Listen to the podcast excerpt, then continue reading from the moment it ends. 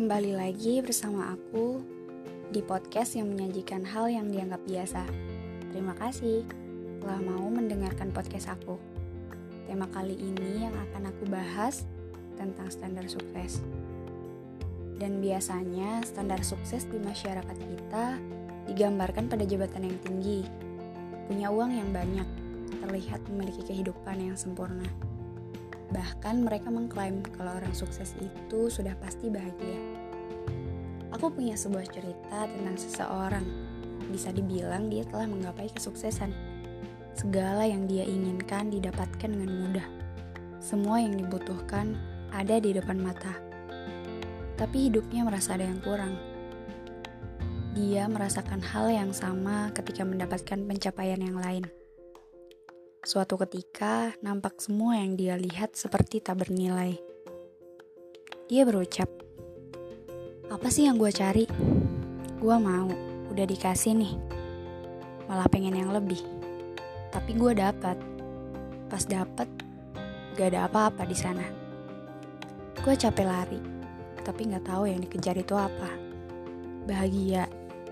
Soal bahagia, gue lebih ngerasa tentrem dulu sih makan indomie di pinggir jalan sama temen gue.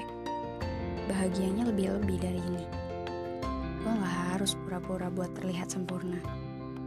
Dari kisah ini kita bisa belajar bahwa standar sukses yang diterapkan masyarakat kita bukan berarti sukses yang sebenarnya. Misalnya nih ya ada orang yang tidak punya jabatan yang tinggi namun hidupnya merasa berkecukupan penuh dengan rasa syukur dia adalah salah satu contoh orang yang berhasil menanamkan dirinya sukses.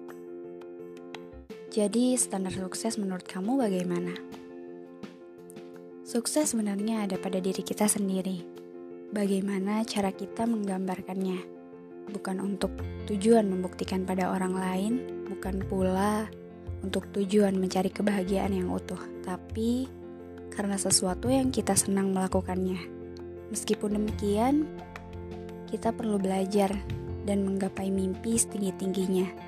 Jika memang diperlukan dan tujuan hidup kita misalnya ingin menjadi dokter, bisa menolong banyak orang, harus digapai melalui sekolah yaitu adalah hal yang penting.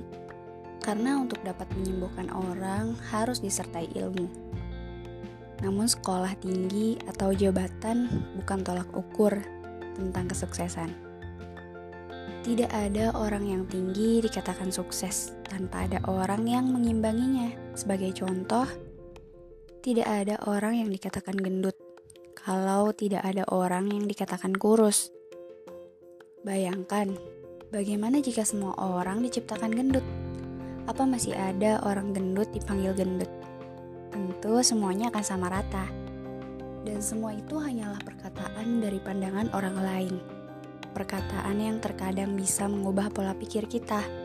Kita merasa sukses dengan apa adanya, bentuk tubuh kita, namun standar di masyarakat ada pada bentuk yang ideal, yang akhirnya kita merasa nggak pede. Dan berusaha merubah sedemikian rupa hanya untuk dapat pengakuan yang sempurna.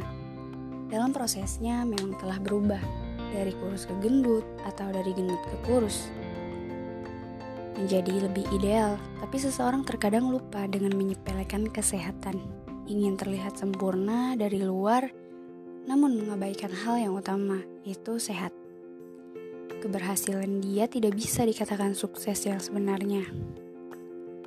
Jika dia menerapkan pola pikir untuk tujuan ingin lebih sehat, itu baru sukses.